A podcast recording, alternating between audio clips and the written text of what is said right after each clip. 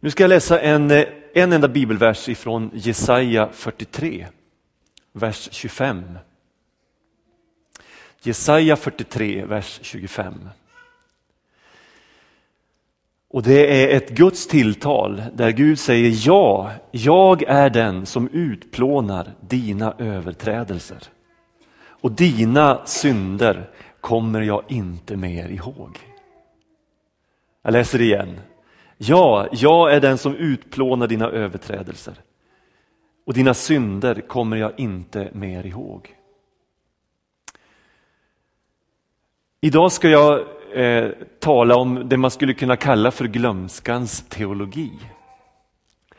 Och jag ska ta upp tre saker som, som vi som individer behöver glömma. Och så ska jag tala om en sak som vi absolut inte får glömma. Men innan jag går in på det så ska jag påminna oss alla om att Gud glömmer. Gud glömmer. Jag är den som utplånar dina överträdelser och dina synder kommer jag inte mer ihåg.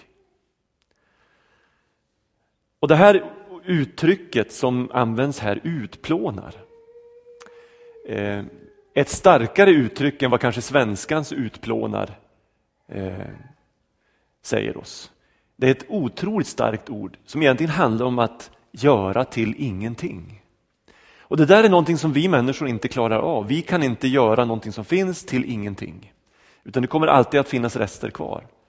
Men Gud gör det till ingenting. Det är fullständigt borta. Och det finns inte mer varken i himlen eller på jorden eller under jorden, i den synliga världen eller i den osynliga världen. Det är borta.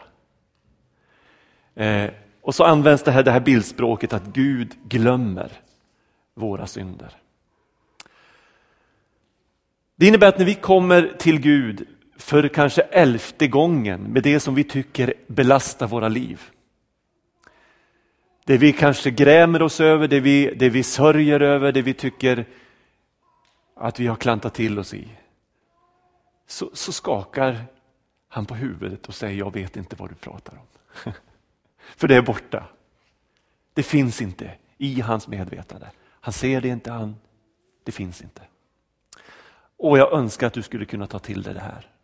För det här är de goda nyheterna. Det här är evangeliet i dess, eh, i dess mest fantastiska form. Hur är det här möjligt? Att dina och mina brott och överträdelser och felsteg och misslyckanden kan utplånas så totalt. Jo, det är möjligt tack vare vad Jesus gjorde på korset. Jag kommer tillbaka till det senare i min predikan. Ehm, och det har sin upprinnelse i Guds kärlek. Så älskade Gud världen att han sände sin enda son för att var och en som tror på honom inte ska gå under utan ha evigt liv. Gud bjuder alltså in varje människa eh, in i sin intimaste gemenskap. Han vill fylla oss med sin glädje, med sin frihet. Eh, och Det här är ett erbjudande som är så långt bortom allt vad du och jag kan föreställa oss om kärlek. Att, att, vi, eh, att vi ofta har svårt för att fullt ut ta till oss det här. Eh, och Därför försöker jag trycka på det så, så gott jag bara kan. att Gud bjuder dig att komma och han förlåter dig och han glömmer, han utplånar. Och Det här är förutsättningen för allt det jag nu kommer att predika om som handlar om vad du och jag behöver glömma. Vi behöver glömma redan förlåtna synder genom att förlåta oss själva. Och när jag säger det så talar jag lika mycket till mig själv som jag talar till någon annan. För jag vet hur svårt det kan vara att förlåta sig själv. Hur lätt det är att man fastnar i de misslyckanden som ligger bakom. Paulus säger på ett ställe i Filipperbrevet 3, vers 13, andra halvan på vers 13. Jag glömmer det som ligger bakom mig och så sträcker jag mig mot det som ligger framför mig. Om nu Gud har förlåtit, så förlåt dig själv. Jag sa att jag har brottats med det här och jag har träffat så många människor som, som genom åren rent förståndsmässigt kan ta till sig det här budskapet att Gud förlåter, att Gud utplånar, att han har kastat allt i glömskans hav och så vidare. Men deras hjärtan, deras inre fortsätter att anklaga och anklaga och ta frimodigheten ifrån dem i deras, eh, i deras liv.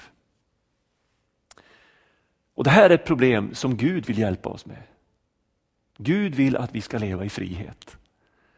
Jesus säger att, att den som tror på mig från hans inre ska strömmar av levande vatten flyta fram. Alltså Gud vill att våra liv ska, ska genomströmmas av glädje, av frihet.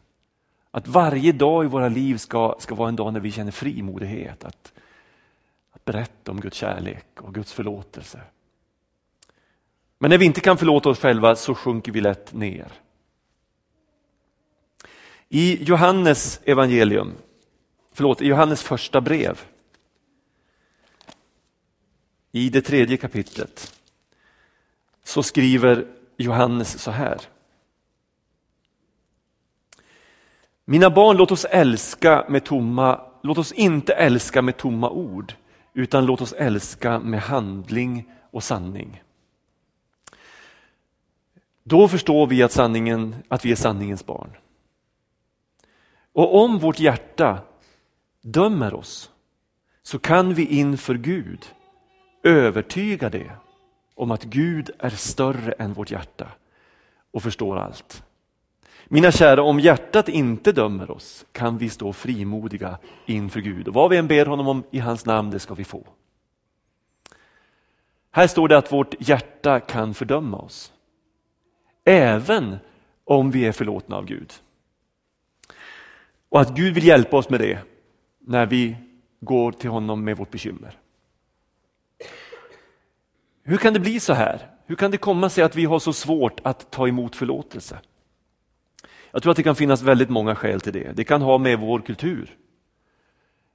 Att vi lever i en kultur där vi tycker att vi måste förtjäna allt som vi får. Att bara ta emot någonting som en gåva känns nästan lite jobbigt. Och svårt, kanske omöjligt. Det kan vara en av orsakerna. Men det, det, kan också vara så att, att min uppväxt med kanske hårda krav och tunga bud har skapat självfördömelse och rädsla. Jag har träffat många som, som bär på en känsla av att aldrig räcka till. Hur man än bär sig åt så tycker man att jag gör inte tillräckligt. Och Jag har träffat eh, många som, som aldrig riktigt vågar glädja sig åt, åt det positiva, för man väntar på något sätt, eller man tänker det här är för bra för att vara sant. Snart kommer fällan att slå igen. Snart kommer nog det här att, att ryckas ifrån mig, för jag är inte värdig att ha den här glädjen och den här framgången och den här, allt det här positiva i mitt liv. Och så kan man inte glädja sig. En sorts förbannelsens röst som säger frälsningen är nog för andra men är den verkligen för mig? Den självbild och kanske också den gudsbild som har skapats av en sån osund miljö eh, kan vara svår att skaka av sig och kan läggas som en, som en hinna över det här fantastiska evangeliet som säger att Gud bara väntar på att få ta emot mig. Att få krama om mig, att få säga du är min älskade, att få sätta på mig en ren vit klädnad och säga du är rättfärdig. Därför att jag har gjort dig rättfärdig. Och så läggs det som en hinna och vi kan inte riktigt ta till oss det. Och så kommer den onde och så drar han upp allt möjligt elände i ditt liv som du trodde att du hade överlämnat till Gud. Och i din svaghet så ger du honom rätt och så säger du ja, det är ju sant det där. Jag är en dålig människa och jag har gjort så mycket dåligt. Och så sjunker du ner i skoskaften. Och kanske börjar du darra som ett asplöv inombords och du vågar inte vara frimodig. Det här kallas i Bibeln för modlöshet. Vi drabbas av modlöshet. Och då är det så fantastiskt att det, det står så här i Bibeln. Att Gud har inte gett oss modlöshetens ande. Gud har inte gett oss modlöshetens ande. Och vad säger det oss?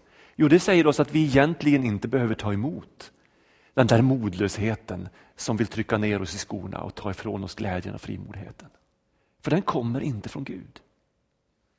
Utan det är pålagor som vi själva eller andra människor eller den onde lägger på oss.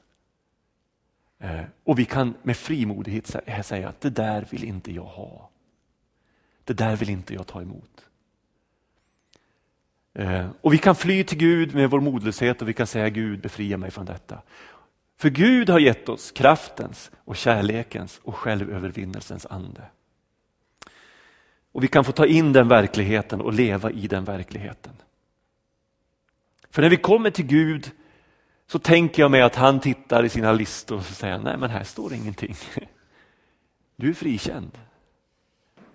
Du är ren i mina ögon. Du kan vara frimodig. Du är mitt älskade barn. Johannes skriver i sitt första brev så här. Om vi bekänner våra synder är Gud trofast och rättfärdig så att han förlåter oss synderna och renar oss från all orättfärdighet. Om vi vandrar i ljuset liksom han är i ljuset, då har vi gemenskap med varandra, jag och Gud. Och blodet från Jesus, hans son, renar från all synd. Det här är viktiga bibelversar att lära sig utan till. För de här verserna är vapen som Gud har satt i din hand. För att du ständigt ska kunna påminna dig, din omvärld, andevärlden och Gud om att i Jesus Kristus så är du förlåten. Så lär dig de här bibelverserna utan till. Lär dig också den här bibelversen utan till. Romarbrevet 8 och 1. Därför finns det ingen fördömelse för den som är i Kristus. Det kan du ta till när du tycker att du trycks ner i skorna och när du tycker att ditt hjärta fördömer dig. Det finns ingen fördömelse för den som är i Kristus, utan du är fullständigt frikänd. Jag tänker på Petrus. I Apostlagärningarna 2 så möter vi den frimodige Petrus. Som när, när, när frågorna haglar i luften och folket i Jerusalem undrar vad är det som händer, så kliver Petrus fram. Och så håller han en frimodig eh, predikan inför folket i Jerusalem. Eh, som leder till att 3000 människor omvänder sig och kommer till tro. Men bakgrunden till, till det som händer i Apostlagärningarna 2, det är ju faktiskt att bara knappt två månader tidigare så hade Petrus förnekat Jesus tre gånger och sagt jag känner inte ens honom. Och Han hade gått bedrövad bort. Hur kan det komma sig att Petrus två och en halv månad tidigare misslyckas totalt och sen kliver fram med frimodighet och berättar de goda nyheterna. Någonting hade hänt med hans liv. Han hade mött Jesus och Jesus hade gett Petrus en ny chans. Vi läser om det här i Johannes evangelium, det 21 kapitlet. Hur Jesus kallar särskilt på Petrus. Och så liksom vägleder honom in i den här möjligheten att få förlåtelse. Och Han ger Petrus möjligheten att tre gånger, på Jesu initiativ, tre gånger tala om för Jesus, jag älskar dig Jesus. Jag älskar dig Jesus. Jag älskar dig Jesus. Och då och där tror jag att Petrus helas.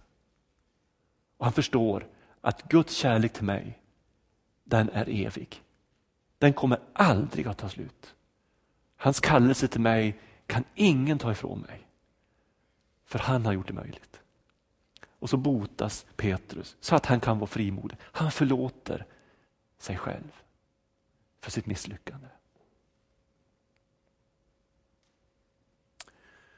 Du kanske har gråtit bittra tårar och du kanske upplever att du har svikit. Kunde Jesus upprätta Petrus så kan Jesus upprätta dig.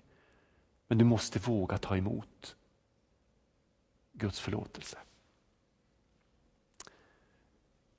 Du behöver glömma och förlåta dina egna misslyckanden, de förlåtna synderna. Det andra som du och jag behöver glömma det är vad andra har gjort mot oss. Och Det är också något som Gud hjälper oss med. I och med att vi blir förlåtna så får vi en, ett, ett utgångsläge som gör att vi kan börja förlåta andra människor.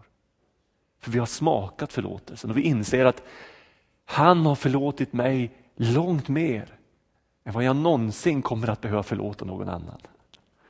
Och så, så skapas förutsättningarna för förlåtelsen. Jag tänker på, på, på Paulus, som eh, om vi slår upp andra brevet till Korint.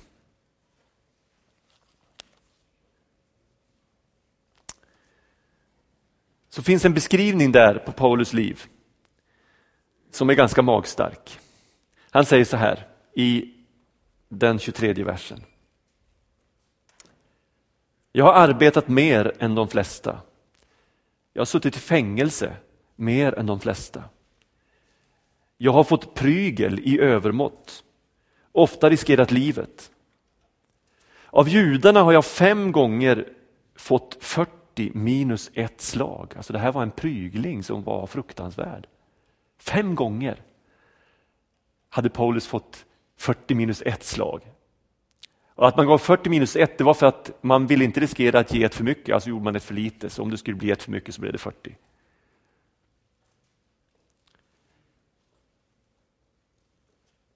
En gång har jag stenats. Tre gånger har jag lidit skeppsbrott. Ett helt dygn har jag drivit omkring på öppna havet.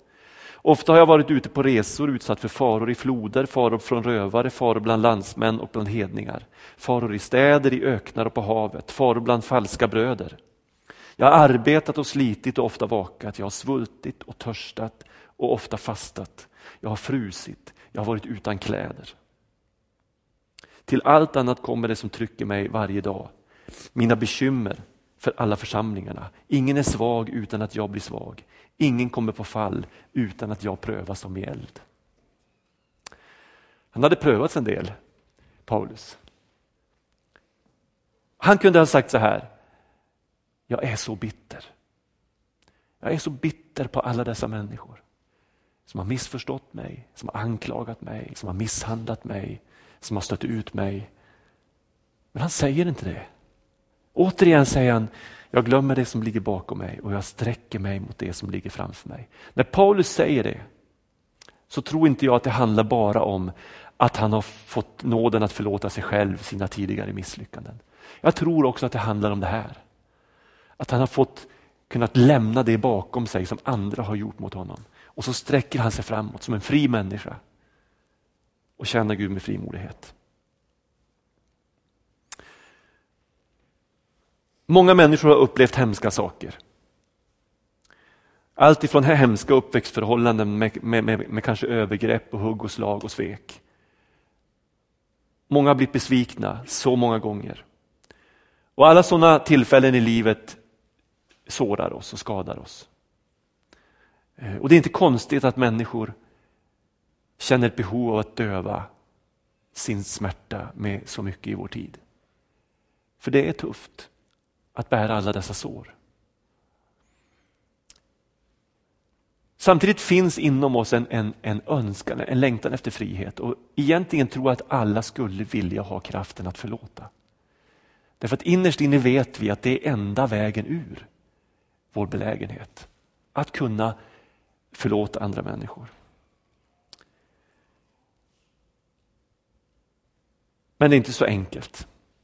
Och många säger, istället för att förlåta säger man, ska jag verkligen förlåta? Om du visste vad andra har gjort mot mig så skulle du inte säga att jag ska förlåta. Jag klarar det inte, jag kan inte göra det. För att kunna förlåta tror jag det är viktigt att man förstår vad förlåtelse är och vad förlåtelse inte är.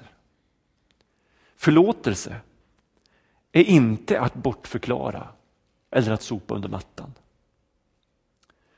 Att förlåta är inte att säga du gjorde mig inte illa. Det är inte heller att säga jag har fullt förtroende för dig. Utan att förlåta är helt enkelt att gå Guds väg. Och att säga du gjorde mig visserligen illa. Men med Guds hjälp så vill jag förlåta dig. För att också du ska få en chans att omvända dig och söka Guds förlåtelse. Det är att göra det rätta med Guds hjälp. För att du ska bli fri, men också för att din medmänniska ska få en chans att gå frihetens väg. Det är bara det det handlar om. Eh, alltså aldrig om att sopa under mattan eller bortförklara.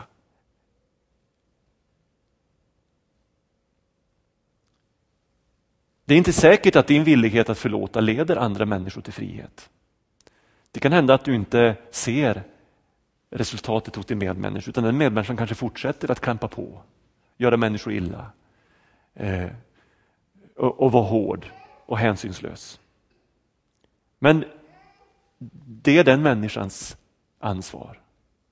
Och den människan kommer själv att få bära det ansvaret en dag inför Gud. Så det är inte ditt bekymmer, utan det är den människans ansvar. Alternativet till att förlåta det är att bli bitter. Och bitterhet är enligt Ordspråksboken 14.30 röta för benen. Det står i Hebreerbrevet 12 och 15, se till att ingen bitter rot skjuter skott. Eh, och Det här är viktigt, det, det, det, det Hebreerbrevets författare skriver här. Bitterheten är en rot. Och vad är det som kännetecknar en rot? Ja, en rot är ju någonting som, som är nedgrävt, någonting som är dolt under ytan. En rot är inte det som kommer upp, utan en rot är själva roten, ur vilket det kommer upp. Roten är gömd. Roten är nedgrävd. Eh, roten är, eh, kan ge upphov till en enorm växtkraft. Jag, jag, jag har provat ibland att, att skära bort häckar och sånt där. Man skär dem jäms med backen. Men vad hjälper det? De kommer ju upp ändå. Med en fruktansvärd kraft. Och har man mycket växter i trädgården så inser man hur mycket man måste hålla på för att hålla undan allt som växer. Eh, och, och, Man tar inte död på en rot genom att kapa växten vid, vid, vid marken. Ur den här roten bitterhet så, så skjuter det en massa skott upp. Och De här skotten de kan heta allt möjligt. De kan heta grämelse, de kan heta hämnd, de kan heta ångest, de kan heta depression, de kan heta missbruk, de kan heta trötthet, de kan heta sjukdom. Och Av sammanhanget förstår vi att det inte är frågan om, om vanlig sjukdom eller vanlig trötthet. Även om det kan se ut så vid en första anblick. Det är inte vanlig nedstämdhet, utan det går mycket djupare än så. Det är sjukdom, trötthet, psykisk stabilitet genomsyrad av bitterhet. Och det är symptom på det som i själva verket är en bitter rot gömd i ditt liv. Du kan försöka bli kvitt de här skotten, du kan bekänna dem gång på gång inför Gud. Han förlåter dig, men roten finns kvar. Och så kommer det här upp på nytt. Eh, taggen, du möter människor, du känner jag kan inte se den i ögonen, jag kan inte träffa den personen, det gör så ont här inne. Och så kanske du blir en människa som börjar undvika olika sammanhang. Du vågar inte gå till kyrkan, du orkar inte gå till kyrkan. Eller du orkar inte vara glad och frimodig. Till dig vill jag säga att, att det är viktigt att du låter förlåtelsens och försoningens kraft rycka upp den här roten. Och kommer roten upp så kommer du att bli fri. När du börjar bekänna det som är den verkliga synden i ditt liv. Att du har tillåtit en bitter rot att gömmas någonstans i ditt inre. Jag tänker på Josef i Bibeln. Josef eh, som mobbades av sin familj, som såldes av sina egna syskon som slav. När han kommer till ett främmande land så döms han oskyldigt av falska människor. Han lever bortglömd i en fängelsehåla under sina bästa år i livet. Han kunde ha blivit så bitter. Men det står om Josef att när han får sina första söner så kallar han den första Manasse varför? Jo, det betyder Gud har låtit mig glömma. Så, så, så, så ett blir befrielsen med, med Josef, att han, att han ger sitt första barn namnet Gud har låtit mig glömma. Och när vi slår upp första Mosebok 41, förlåt, första Mosebok 50, eh, ska vi se. Första Mosebok 50, i slutet där så står det så här. När Josefs bröder tänkte på att deras far var borta, han hade Jakob, alltså deras far hade dött, så tänkte de, kanske Josef hyser agg till oss och vill ge igen för allt ont vi har gjort honom. Alltså pappa är borta, nu kan Josef hämnas. Så tänker de. Därför skickar de bud till Josef och, och, och säger till honom, innan Jakob dog så bad din far att vi skulle säga till dig, vi ber dig förlåta oss, dina bröder, vår synd och vår skuld. Vi har gjort dig mycket ont, så förlåt oss, din fars Guds tjänare, den synd som vi har begått. Vid dessa ord brast Josef i gråt. Och Sen kom också bröderna själva och föll ner inför honom och sa, vi är dina slavar. Men Josef sa till dem, var inte rädda, jag är ju inte Gud. Ni ville mig ont, men Gud har vänt det till något gott. Han ville göra det som nu har skett och, därför, och därigenom bevara många människor vid liv. Var inte rädda, jag ska sörja för er och för era barn. Och så talade han lugnande och uppmuntrande till dem. Alltså det här var inte bara en fernissa i Josefs liv, Josefs liv, att han hade glömt, utan det hade gått på djupet i hans liv. Och han kunde verkligen förlåta sina bröder. Gud har låtit mig glömma. Till sist så är det en tredje sak vi ska glömma och det är tidigare segrar och tidigare framgångar. Det ligger en hemlighet i att aldrig bli färdig i den bemärkelsen att jag börjar luta mig mot mina tidigare segrar och framgångar. Utan jag anar och inser att det finns nya segrar framför mig. Eh, jag glömmer det som ligger bakom mig och jag sträcker mig mot det som ligger framför mig. Kanske ligger någonting av det också i Paulus ord. Han, han hade mål som han ännu inte hade nått. Uppdrag som han ännu inte hade utfört. Och Det var mycket viktigare än att sola sig i glansen av tidigare framgångar. Tänk er en idrottsman som har, som har vunnit en stor seger. Om den personen ska kunna vinna nästa seger så kan han inte luta sig mot den förra. Han kan möjligtvis hämta lite glädje och inspiration, men han måste se framåt. Han måste fokusera på sin uppgift om han ska kunna vinna en ny seger. Och så är det också i Guds rike. Det finns en text i tredje Mosebok 6 som handlar om, om offrandet i templet.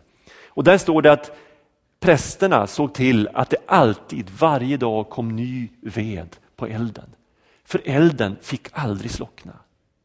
Det måste hela tiden tillföras nytt bränsle på elden. Och så är det också med elden i ditt och mitt liv. Den, Gud, den eld som Gud har tänt, den behöver nytt bränsle hela tiden.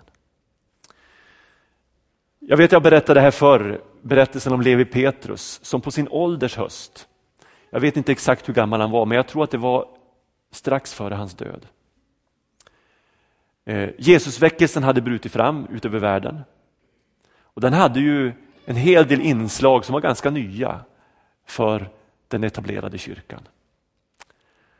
Och Denne gamle man, Levi Petrus, han åker över till en församling i Los Angeles som hade startats av en, av en pastor som heter Chuck Smith. Jag har träffat honom som gammal, Chuck Smith. En underbar, vis, härlig gammal kristen förkunnare. Men då var han ganska mycket yngre och den gamle Levi Petrus kommer till hans kyrka. Där man har kastat ut alla bänkar. Därför att kyrkan hade invaderats av, av hippies och, och, och andra som inte fick plats. Så man hade slängt ut bänkarna och så satt man på golvet. I trasiga jeans. Och eh, ja, ni vet hur, hur, hur Jesusrörelsen kunde se ut. Och Då berättas det att när Levi Petrus kommer in i kyrkan så tar den gamle mannen av sig sina skor och sina strumpor. Och så sätter han sig ner på golvet tillsammans med alla dessa unga människor. Och så firar han gudstjänst med dem. Och jag tycker det här är en sån oerhört stark bild på en människa som har glömt det som ligger bakom och sträcker sig mot det som ligger framför. Det finns nya segrar för Guds rike. Och Jag skulle önska att du och jag fick det hjärtat. Att vi alltid ser möjligheterna framåt och är beredda att göra avkall, att förändras för att Guds rike ska gå fram. Vi har inte Gud i vår hand. Utan Gud måste få ha oss i sin hand. Och fundera mycket på vad som är skillnaden mellan de två sätten att se på tillvaron. Vi har inte Gud i vår hand, men Gud måste få ha oss i sin hand. Till sist, en sak som vi absolut inte får glömma. Och det är det Rebecka läste i psalm 103. Glöm inte vad gott han har gjort mot dig. Glöm inte allt gott som Gud har gjort för dig. Amen.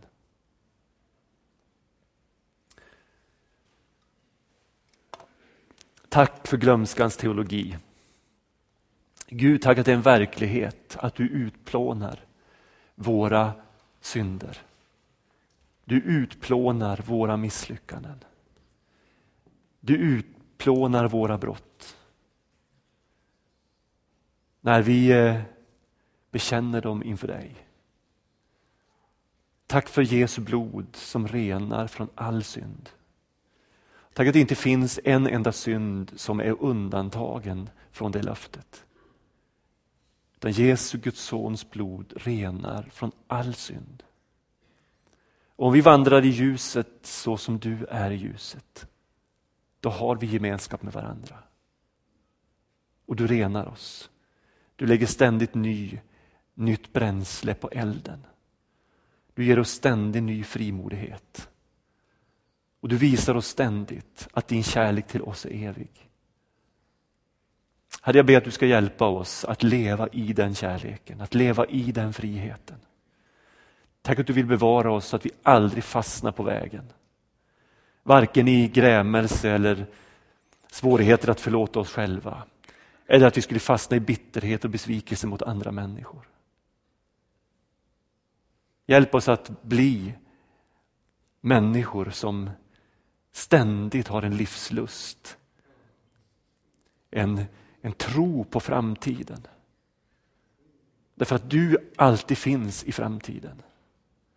Hjälp oss att leva som människor som vet att vi alltid har det bästa framför oss. Hur än de nuvarande omständigheterna ser ut. Och hjälp oss att aldrig glömma allt gott som du har gjort och som du gör för oss och som du kommer att göra för oss. Amen.